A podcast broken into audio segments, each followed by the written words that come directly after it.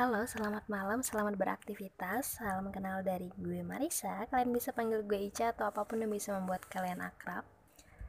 Ini adalah podcast pertama gue dan gue harap podcast pertama gue bisa menghibur ataupun mengisi waktu kalian. Hmm, di podcast gue ini gue lebih memilih membaca buku. Jadi membaca buku mungkin gue ngambil beberapa cerita atau bagian mungkin bisa jadi satu utuh tapi uh, gue bahas cut bagian per bagian jadi dalam satu buku mungkin bisa gue bahas atau bisa gue kulik kisahnya menjadi beberapa podcast. Mungkin selanjutnya kalian bisa kritik dan saran untuk next podcast gue untuk buku pertama ini gue memegang satu buah buku yang ditulis oleh Burhan Sodik yang judulnya Ya Allah, aku jatuh cinta. Mengelola cinta tanpa harus terkena dosa. Kemudian langsung aja di sini gue nemuin beberapa baris puisi. Mungkin bisa gue bacain buat kalian. Ya Allah, aku jatuh cinta. Ya Allah yang membolak-balikan hati kami. Selama ini aku tidak pernah tahu bagaimana rasanya mencinta. Namun, aku berharap bila cinta hadir menyapaku, aku tidak akan kehilangan engkau. Ya Allah, selama ini aku hanya berharap semoga bisa mencintai orang yang memiliki cinta yang luar biasa kepadamu. Ya Allah, selama ini aku juga berharap semoga bisa dicintai oleh orang yang bisa mengarahkanku menuju keriduanmu. Pintaku ya Allah, Izinkan aku memiliki rasa ini, hingga ia menjadi indah di dada kami, tanpa mengurangi rasa cinta kami kepadamu. Itu sebagian puisi yang ada di buku yang gue baca ini. Mungkin menurut gue ini kayak lebih ke bisa jadi harapan, doa atau apa pun yang sebenarnya yang disampaikan oleh penulis buat kita. Kemudian di sini pada sebuah pertama ada judulnya cinta mengundang siapa aja sih gitu. Jadi di sini ada beberapa kisah cinta yang mungkin bisa kita jadikan bahan sharing. Untuk cerita pertama gue nemuin cerita yang bunyinya gini. Di sebuah taman kota metropolitan terlihat beberapa petugas kesehatan begitu sibuk memberi pertolongan kepada sepasang muda-mudi yang terperangkap di dalam sebuah rel kereta api di kota tersebut. Naas bagi pasangan dua sejoli itu. Malaikat maut telah mencabut nyawa mereka dalam keadaan yang sungguh tragis dan memilukan. Keduanya nekat bunuh diri dengan menutup rel kereta api. Mereka mengikat di rel tersebut. Akibatnya, mereka mati dalam keadaan berpelukan dan saling berciuman dengan kondisi tubuh hancur terlindas kereta api. Aparat berwenang sangat sukar memisahkan kedua jasad itu. Memang terlihat mengharukan.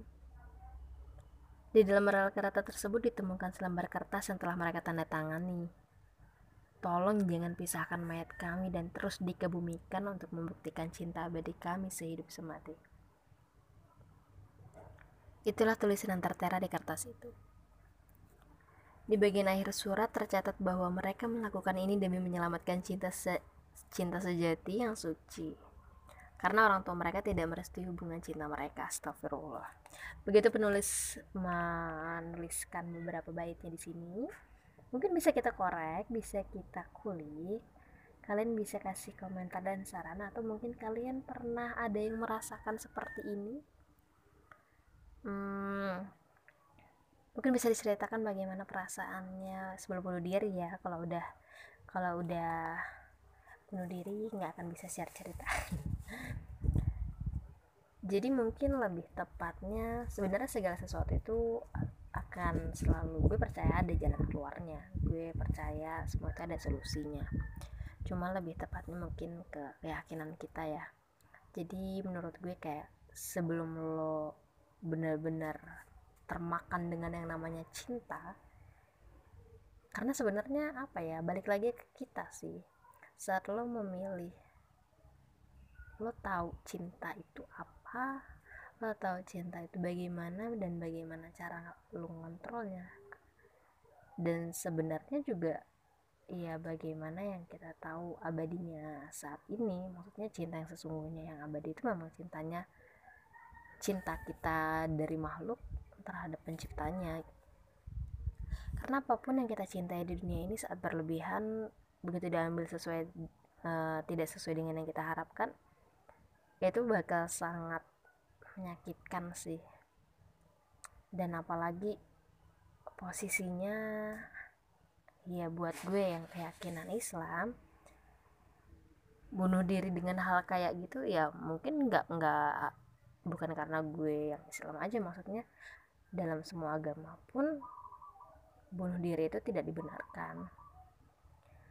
Tapi apa pun itu gue harap um, bagi yang sedang merasakan atau ya apa pun itulah hubungan tidak direstui atau beda agama atau apa pun itu gue berharap uh, lo percaya lo punya Tuhan lo percaya lo punya iman lo percaya lo punya orang-orang yang banyak sayang dan mendukung lo dan seandainya memang kalian gak bisa bersama gue yakin kalian masih bisa menjalin pertemanan walaupun memang kalian gak bisa saling memiliki. Dan semua itu ada jalan keluarnya kok. Uh, buktinya pada saat sebelum lo bisa mencintai sebegitu kuatnya lo boro-boro bisa mengenal cinta dengan orang itu gitu. Jadi menurut gue semua ada jalan keluarnya sih tanpa harus kayak gitu. Apalagi posisinya mereka melakukan itu mereka belum menikah gitu kan. Maksudnya memang belum yang seharusnya bisa mengendalikan cinta. Dan lebih tepatnya mungkin bisa lebih memilih bagaimana jalan keluar yang baik sih. Semua itu bisa diobrolin. Mungkin kalau kalian kayak pusing cuma berdua doang nih kan udah nggak nemu jalan keluarnya kalian bisa cari orang yang bisa kalian percaya. Bagaimana jalan keluarnya? Mungkin ada solusi yang hmm, yang sebenarnya kalian nggak kepikiran saat itu gitu. Jadi gue harap semua itu bisa jadi pelajaran sih buat kita gitu kan. Kemudian di sini ada cerita kedua. Ini mungkin ceritanya kita dari Nabi ya sekarang ceritanya. Di sebuah rumah di Jazirah Arab 1400 tahun silam Abdullah bin Abu Bakar baru saja melangsungkan pernikahan dengan Atikah binti Zaid. Atikah adalah seorang wanita cantik kerupawan dan berbudi luhur. Dia seorang wanita berakhlak mulia, cerdas, dan berkedudukan tinggi.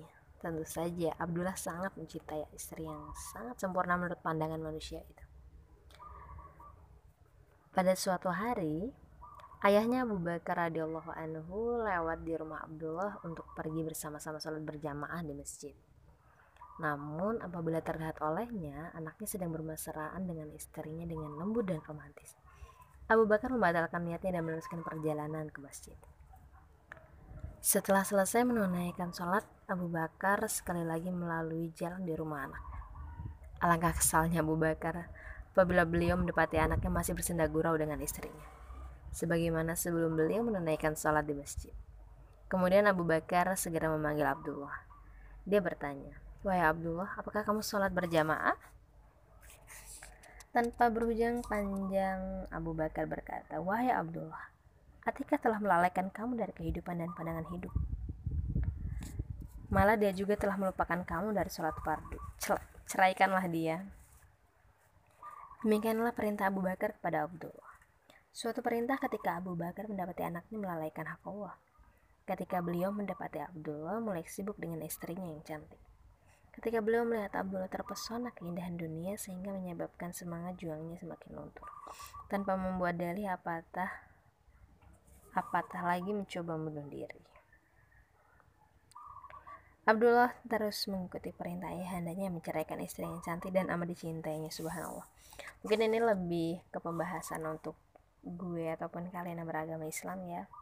Maksudnya gue kurang paham untuk di agama lain yang bagaimana. Maksudnya kalau di agama kami uh, siapa pun yang membuat kita mencintai melebihi cinta kita terhadap pencinta uh, penciptanya itu kurang tepat sih gue tidak menyalahkan tapi gue bilang itu kurang tepat karena karena semua yang ada di dunia ini semua yang diberikan sama pencipta kita itu semua akan kembali sama penciptanya. Jadi di saat kita mencintai sesuatu apalagi makhluknya melebihi cinta kita terhadap penciptanya itu sesuatu yang bisa dikatakan lalai ataupun membutakan. Itu sedikit pandangan-pandangan gue. Mungkin kalau kalian ada pandangan-pandangan lain kalian bisa komen ataupun uh, kasih saran ke gue mungkin segitu aja podcast gue kali ini untuk pembukaan. Mohon maaf nih kalau misalkan ada sesuatu yang kurang-kurang ataupun omongan gue yang berbelit-belit. Semoga next podcastnya gue bisa lebih menyesuaikan diri bagaimana kalian juga bisa sharing-sharing ke gue. Uh, kritik dan sarannya gue tunggu. Jangan lupa like comment and subscribe Semoga ada ruang di sini membuat hari-hari lo semakin bertambah ceria atau apa pun itu yang bisa membuat lo lebih semangat. Cukup sekian dari saya. Selamat malam.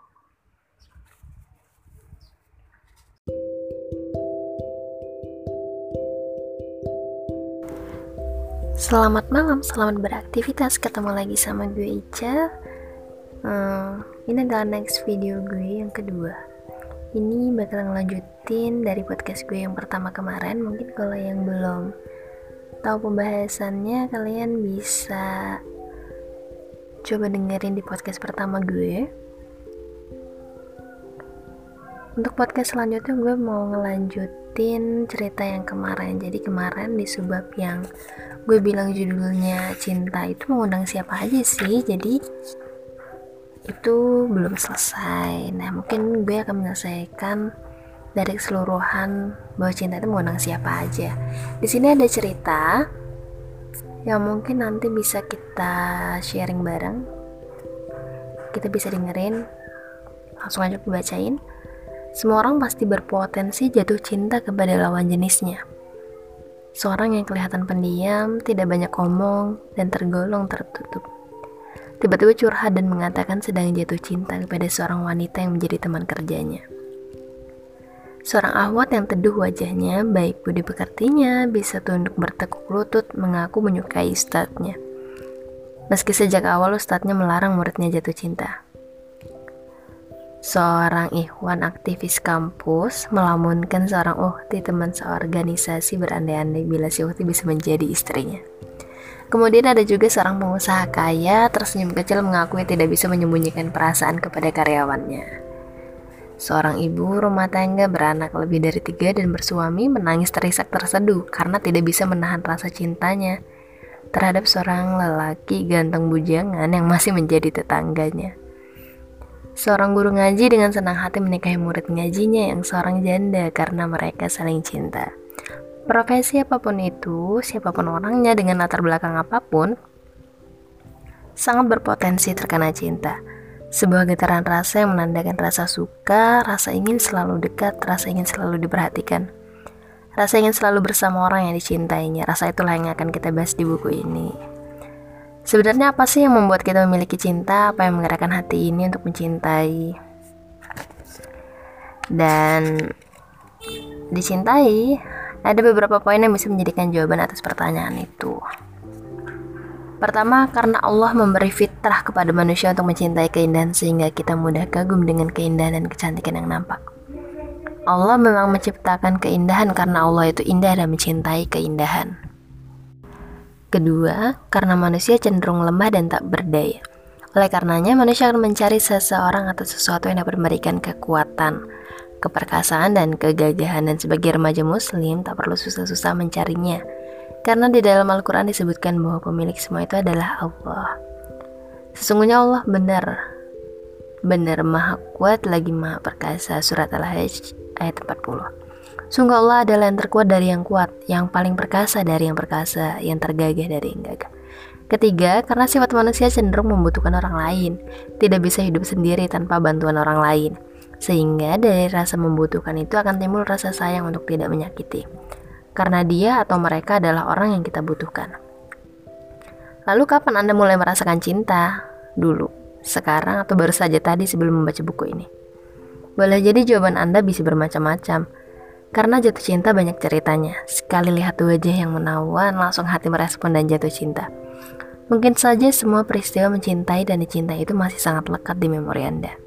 Betapa Anda menjadi orang yang kehilangan akal sehat, mengorbankan segalanya untuk si dia. Namun ternyata dia meninggalkan Anda atau sebaliknya.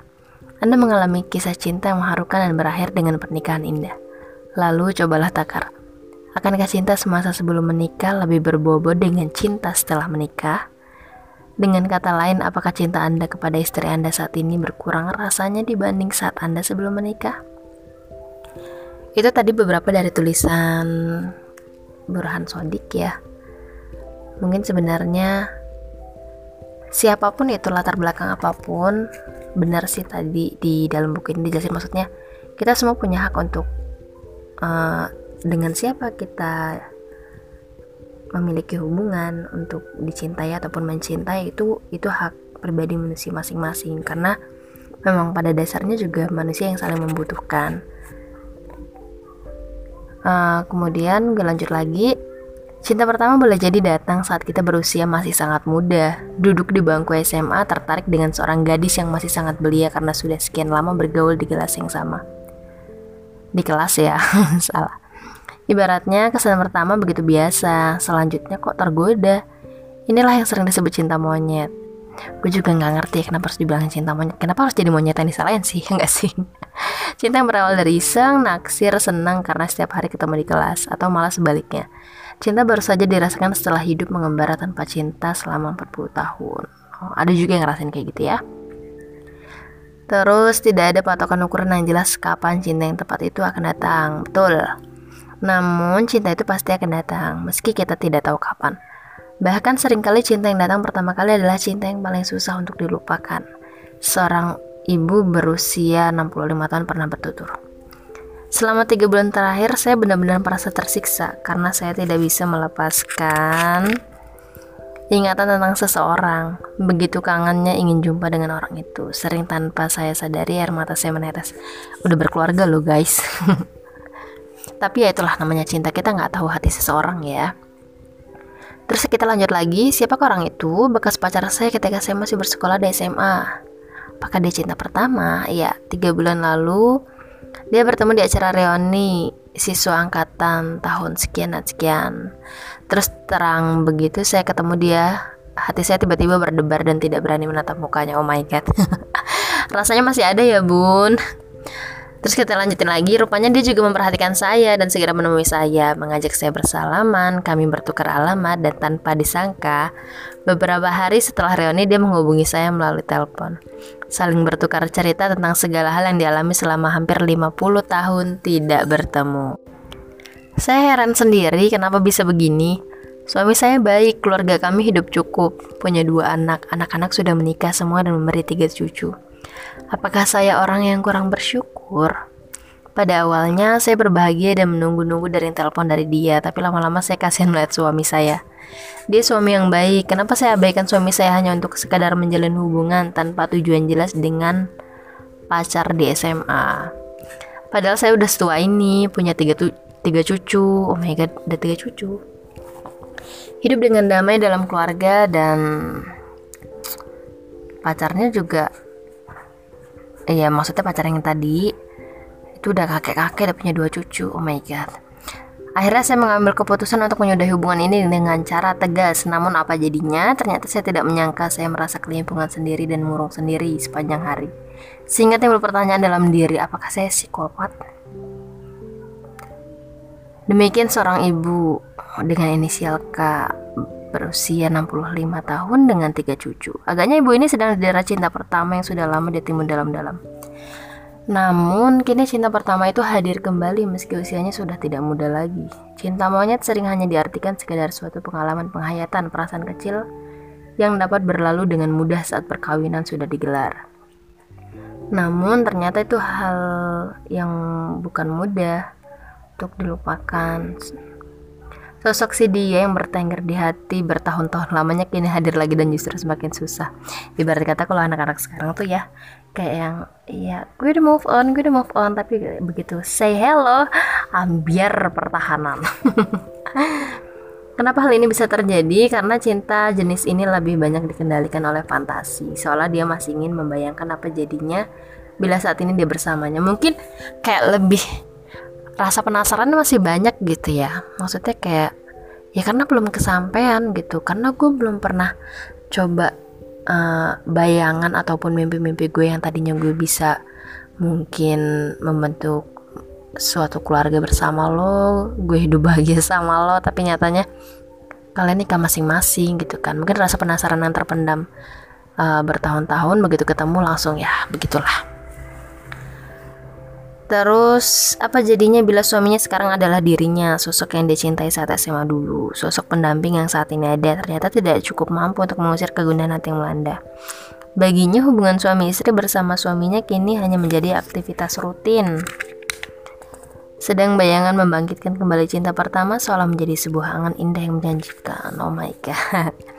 Cinta romantis yang berangkat dari cinta pertama memang mengesankan, namun bobot fantasi atau imajinasi sangat besar sehingga sulit ditemukan dalam kenyataan.